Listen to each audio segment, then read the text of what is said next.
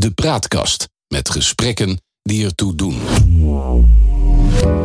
Nu is later met deze aflevering Kathleen Verrier. Welkom terug. Je bent later ook eh, secretaris van Samen Kerken Nederland geworden. En Ja. eh, secretaris van de Gereformeerde Kerken. Nou, het was, eh, ik was secretaris Latijns-Amerika. Ja. Nou, het, gaat me meer om het kerkelijke. Eh, Ja. Mag ik vragen wat, wat, wat de kerk, wat geloof voor jou eh, voor invloed gehad heeft en nog steeds misschien heeft? Ja, ik ben eh, hervormd opgegroeid. Ja. Ehm, ik ben getrouwd met een gereformeerde theoloog. Mhm. Een professor in theologie. Hij is gepromoveerd, hij is professor. Ehm, de- de- als je in Suriname opgroeit, groei je op met het besef dat er meer is tussen hemel en aarde dan wat wij kunnen zien. Is dat wezenlijk anders dan in Nederland? Absoluut. Oké. Het besef dat er, ehm, dat er krachten zijn die je aan kunt wenden ten goede. Mhm. Ehm, dat besef is zeer aanwezig. En dat, dat, er, dat er dus meer is. Kijk, ik, ik groeide op met het besef dat ik christelijk was. Of ik nou katholiek, de evangelische broedergemeente, Luthers of protestants was. Wij zelf zijn van de hervormde kerk, mijn Ja. familie. Eh, maar je, besef, je groeit dus op het besef dat je christelijk bent en niet hindoe of moslim. Want je groeit op met alle religies. Alle Ja. religies zitten bij elkaar in de klas. Ik zeg ook altijd, in Suriname vieren wij alle feesten met elkaar. Ja. Met kerst kwamen de moslims en de hindoes mee naar de kerk. Ja. Ehm, met eh, suikerfeest gingen we mee naar de moskee. Met eh Idul Fitr gingen we mee naar de tempel, naar de hindoe-tempel. Dus ik bedoel maar alles... We vierden alle feesten met elkaar samen. En als we feest vieren in Suriname eten we ook meestal vegetarisch of kip. Want de een eet geen varken, de ander eet geen rund. Maakt niet uit. Ja. Je bent één samenleving. Maar dat geeft wel, als, als, als ik jou dat zie vertellen hier, dan, dan, dan zie ik je bijna stralen. Dat Ja. dat eigenlijk heel mooi samen kan. Natuurlijk. Ja. Ik heb daar ook hele goede herinneringen aan. Ja. Ehm, en het kan ook heel goed samen. Suriname is niet voor niets het enige land, denk ik ook op de wereld, waar een moskee en een synagoge naast elkaar, staan. Ja. En niet alleen naast elkaar staan, ze staan op één terrein. En ze werken ook heel goed samen. Als de een stoelen nodig heeft, Mhm. niet genoeg stoelen, dan vraag je het bij de ander. Of mogen, er, mogen onze auto's ook bij jullie parkeren vanavond? Want we verwachten nogal wat mensen. Het is allemaal geen probleem. Waarom kan dat daar wel en, en bijvoorbeeld in Nederland minder makkelijk? Het is vaak reden voor oorlog, hè? wereldwijd. De Ja. verschillen in religie. Ja. Eh, deze vraag is mij dus vaak gesteld. Ik heb erover nagedacht en ik denk dat het komt dat, kijk, Suriname is een, een kolonie geweest van de Britten, van de Nederlanders. Is lange tijd een plantage-economie geweest, waarvoor men arbeidskrachten nodig had. Mensen tot slaaf maakte uit Afrika, later contractarbeiders, moderne slavernij zou je kunnen zeggen. Ja. Uit India, uit China, uit Indonesië. En op een gegeven moment stortte na de, na de afschaffing van de slavernij die plantage-economie in. En zagen de bewoners van het land dat willen wij vooruitkomen, dan hebben we elkaar nodig. Mhm. Weer dat besef van wil je verder komen, dan heb je elkaar nodig. En ehm, In de samenstand, zeg maar. in de samenstand, of jij, hoe jij eruit ziet en wat voor religie je hebt, is ondergeschikt aan onze noodzaak samen te werken. Om in dit land, hoe wij hier ook bij elkaar gebracht zijn, Ja. Verder te komen. En ehm, dat besef, dat heb je dus veel minder hier in Nederland. Hier in Nederland heb je een norm Mhm. die nog maar al te vaak bepaald wordt door de meerderheid. Ja. De witte meerderheid, de mannen die denken het voor het zeggen te hebben, ehm, de heteroseksuelen, kortom, de meerderheid. Mhm. En ehm, daardoor is er een, een, een, dat is dan de leidende cultuur waarbij anderen zich zouden moeten aanpassen. En deze tijd, ik denk dat de manier van zo denken en kijken naar de samenleving, dat die spoedig zal moeten veranderen. Het is natuurlijk ook het gevolg van het politieke beleid van de jaren 70 en 80. Ja. Hè, toen er mensen uit eh, Noord-Afrika naar Nederland gehaald werden om hier werk te doen wat Nederlanders zelf liever niet wilden doen. Mhm. De politieke gedachte was toen, ook toen de gezinshereniging mogelijk was, van wij zijn hier zo een modern, vooruitstrevend, fantastisch land, dat die mensen die van buiten afkomen, Als zij ons zien, dan zullen ze vanzelf willen worden zoals wij. Ja, dat Dus was we het laten- idee. Precies. Ja. Dus we, we zetten ze bij elkaar, we laten ze met rust, we tolereren ze, laat ze hun ding doen en dan worden ze vanzelf zoals wij. Want ja, wie wil niet worden zoals wij? Een beetje assimileren, zeg maar. Dat je het eh, echt Ja. helemaal opneemt. Ja. Ja, en dat, en dat je dus uitgaat van de gedachte dat automatisch mensen willen worden zoals jij bent, omdat jij het zo goed hebt. Ja. Maar dat is niet zo. Want mensen kijken met heel andere ogen naar de wereld, een ander wereldbeeld, een ander mensbeeld. En het is helemaal niet zo dat iedereen wil worden zoals de autochtone Nederlander Nederlander. of Europeaan. Nee. En eh, daarin heeft het beleid dus erg gefaald, waardoor je verschillende groepen in de samenleving kreeg. Eilanden Mhm. die elkaar steeds moeilijker kunnen bereiken en steeds meer in eigen bubbels eh, terechtkomen. En dat is de uitdaging waar we nu voor staan. Hoe sla je bruggen in deze samenleving, waardoor mensen elkaar weer zouden kunnen vinden? Ja, wellicht, maar dat is een hele politieke eh, vraagstelling waar we nu op uitkomen. Maar wellicht dat de, de klimaatverandering daar toch een rol in zou kunnen spelen. Want dat moeten we samen doen. De klimaatverandering, nou, je komt eh, op een punt waar ik het heel erg mee eens ben. En dat is namelijk die noodzaak, het besef dat je elkaar nodig hebt om verder te komen. Ja. En dat besef, tot mijn eigen verbazing, daalt dat nog steeds niet in Mhm. na alles waar we als wereldgemeenschap voor staan. Ja. De uitdaging van de klimaatverandering. Mm. Hoe ernstig is het? We zien afschuwelijke be- beelden over overstromingen, ook in eigen land, Ja. wereldwijd, wat die klimaatverandering doet. En nog daalt het niet in dat willen wij dit aanpakken, dat we elkaar nodig hebben. Ja. Het signaal wat COVID-19 ons geeft, is zo duidelijk dat we als wereldgemeenschap, als mensen, uiteindelijk allemaal hetzelfde zijn. Ja. Even vatbaar voor het virus. Het feit dat er in bepaalde groepen en bepaalde landen meer mensen aan doodgaan dan in andere landen, komt door scheidslijnen die wij zelf aangebracht hebben. Ja. Maar ook hier het besef: een virus kent geen grenzen. We hebben elkaar nodig om dit aan te pakken. Zolang niet de hele wereld of het grootste deel van de wereld gevaccineerd en veilig is, is niemand het. Dan kunnen wij ons in Nederland ook niet rijk rekenen. Mhm. Wat vind je nou zelf, om op jou persoonlijk terug te mogen komen, als je dit zo als, als, als wereldburger eh, op tafel legt hier?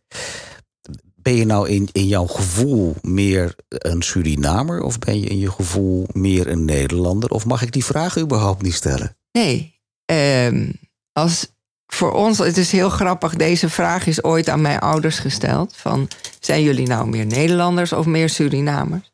En het antwoord was: eh, onze wortels liggen over de hele wereld verspreid. Mhm. En dat geldt dus ook voor mij. Mijn ene over, overgrootmoeder was een tot slaaf gemaakte uit Afrika. Ja. De ander kwam als achtjarig meisje aan uit India Mhm. als op de eerste boot met contractarbeiders. Ze verloor de rest van haar familie in de eerste weken dat ze in Suriname was. Een kind van acht jaar. Mhm. Ehm, ik heb eh, Portugese Joden als voorouders. Ik heb eh, slavenhouders en tot slaafgemaakte. Ehm, Het is allemaal een keer uitgezocht. waar Groningse jij- boer ook. Ja, het is, allemaal, het is allemaal uitgezocht. Dus mijn wortels liggen over de hele wereld verspreid. En wat doet dat met jou? Als je dat zo realiseert, dat je, dat je, dat je slavendrijvers als, als voorouders hebt, maar ook slaven, eh, dat je gedeeltelijk in Zuid-Amerika, eh, gedeeltelijk in het, in het, in het eh, lompe Nederland, zeg maar. Wat, Het- wat maakt dat jou? Nou, een van de dingen die. Ik heb dus op verschillende plekken gewoond in de wereld: Chili, Brazilië, recenter in Hongkong. Hongkong? Ja. Veel gereisd in de regio, gewerkt ook nog steeds werkcontacten in Bangladesh, Myanmar, dramatisch momenteel, maar ook in China. Het mooie is dat je een gegeven moment je realiseert dat je eigenlijk overal neergezet kan worden.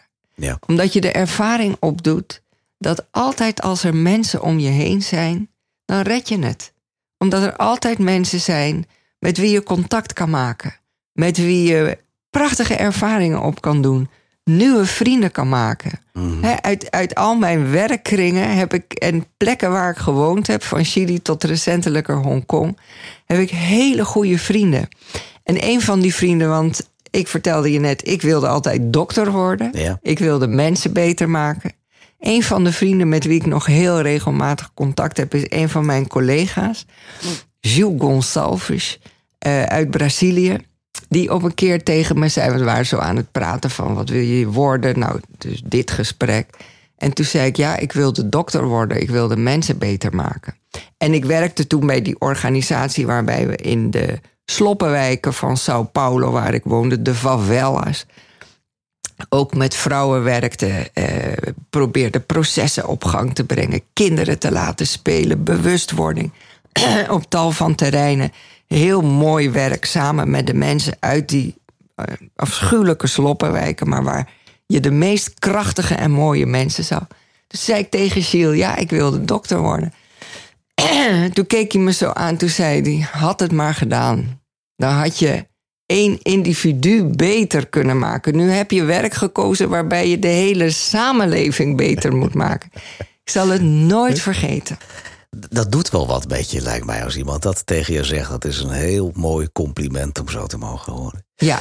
Um, maar ik wil nog even terug naar waar we net gebleven waren. Want ik, ik had het over um, jouw kerkelijkheid. Ja. Um, over de vele geloven die in Suriname uh, vreedzaam naast elkaar kunnen, kunnen zijn. Ja. Maar wat betekent geloof in het algemeen? Of het nou christelijk is of wat anders. Wat betekent dat voor jou als mens? Het is een hele belangrijke drijfveer. Ik heb op, ja, voor mij persoonlijk. Mhm. En ik heb ervaren op tal van plekken in de wereld hoezeer het geloof een bron van kracht is voor mensen. Ja. Om je een voorbeeld te geven in Chili. Ik vertelde je net, ik werkte met vrouwen ehm, waarvan hun, hun zonen opgepakt en verdwenen waren. Die putten ontzettend veel kracht uit de persoon van Maria. Die net als zij een lastige zoon hebben. Tegen wie ze zeggen, hou je mond. Hij houdt niet zijn mond. Hij wordt opgepakt, hij wordt gevangen gezet. Dat was voor hun een bron van kracht. Die vrouw die hetzelfde had meegemaakt als zij, met zo'n lastige jongen als zoon. Ja. Ehm, en op andere plekken ook, ook in, eh, in China, waar eh, christelijke kerken enorm groeien. En voor een deel ook door het regime, dat natuurlijk in toenemende mate vrijheden van mensen beperkt, worden toegelaten, omdat ze zien dat de kerk een belangrijke taak doet die zij zelf niet altijd kunnen. Hè, Het opvangen van wezen, mensen met een fysieke beperking, ouderen. Maar ik ik vind het wel heel grappig wat ik vraag aan jou, Kathleen. Wat geloof voor jou betekent. En ik vind het prachtig hoe je gelijk met voorbeelden komt voor andere mensen die jij Ja. meegemaakt hebt. Ja. Maar mijn vraag was, wat betekent het voor jou? Het is een hele belangrijke drijfveer. Ehm, zoals ik zei, hè, dus ik zie dat ook om me heen, maar ik merk het ook voor, bij mezelf. Maar heeft dat, heeft dat invloed gehad op de beslissingen die je ook carrièrematig gemaakt hebt? Die Ja. je als mens gemaakt hebt? Eh, het, wat het geloof voor mij betekent, betekent het hebben van vertrouwen. Mhm. In, eh, zeker in leiding in je leven. Ja. En ik kan je zeggen dat ehm, als ik kijk hoe mijn leven gelopen is, dan zie ik daar zeker een bepaalde leiding in. En het vertrouwen dat dat er is, dat ook al gebeuren er vreselijke dingen in je leven, dat er toch een basisvertrouwen is van het, het hoort bij mijn leven. Het, ik Er moet is, dit er aan. Is, er is een reden voor. Er is een reden voor. En dat vertrouwen geeft jou zelf ook ruimte ook om fouten te kunnen maken. Mhm. Om te weten van, ik hoef niet perfect te zijn. Ik doe mijn best. Ik doe wat ik kan.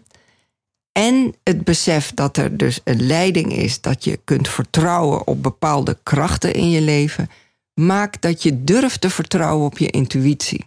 En dat heb ik natuurlijk wel moeten eh, leren. Hè? Zeker als je je schooljaren voor een deel ook in dit rationele land, Nederland, hebt Je doorgebracht. zegt het bijna op een verwijtende toon. Maar dat is niet de bedoeling. Nee. Want ik heb heel mooie herinneringen aan mijn opleiding en alle mensen die daaraan hebben bijgedragen. Ja. Maar het is natuurlijk een rationeel land. Ja. Eh, wat bestaat is wat je ziet en wat je kunt bewijzen. Maar, maar kun je voor jezelf, want je was net heel mooi aan het poneren wat het voor jou betekend heeft. Maar kun je daar een voorbeeld van noemen waar, waarvan je zegt van ja, dat was voor mij zo'n openbaring dat ik dacht van oh, Ja.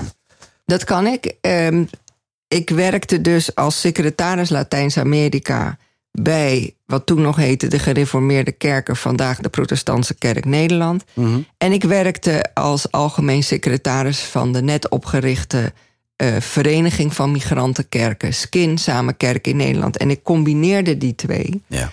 Maar op een gegeven moment was het niet meer te combineren. En moest ik kiezen. En mijn intuïtie zei: je moet voor de migrantenkerken kiezen. Maar tegelijkertijd was ik bang om alles wat mijn opleiding was, die mij zo lief was, die taal, Latijns-Amerika, het Spaans, Ja. dat ik dat kwijt zou raken. Dat dat geen deel meer van mijn leven zou zijn. En op het, mom- het moment dat ik echt moest beslissen en ik wist niet wat ik moest doen en ik voelde ik moet voor die kerken kiezen, maar ik wil die andere kant niet kwijt, kreeg ik een telefoontje van de ICOM. Mhm. En eh, toen nog een radioomroep. Ja. En ehm, die zeiden van er is een hele mooie nieuwe dichtbundel verschenen van Garcia Lorca, een Spaanse dichter. En we zouden daar graag een gesprek met je over willen voeren voor de radio. En als je het goed vindt, houden we jou aan als persoon die Spaanstalige literatuur, Zuid-Amerikaanse ontwikkelingen voor ons kunt beschrijven. Ja, Het was voor mij het teken. Je raakt Ja. die Spaanse wereld niet kwijt. nee. Je kunt die keuze maken. Maak Het is die keuze, het komt goed. En zo is het ook gegaan. En dan denk je dat daar een hogere macht is die jou daarin leidt, zeg maar. Die je een teken geeft als je daarvoor open staat. Ja. Als je bereid bent eh, ook dat oog te openen en die ervaringen op te doen. Ehm, en dan krijg je op een bepaald moment in je leven krijg je tekenen. Mooi dat je dat zo ook als ik in je ogen kijk vol overtuiging zegt. Dat vind ik heel fijn om te zien. Ja. Tot zover het tweede gedeelte met Kathleen Ferrier. Graag zie ik je zo meteen terug aan de andere kant bij eh, Nu is Later op de Praatkast. Zoals bekend met Kathleen Ferrier. Graag tot zo.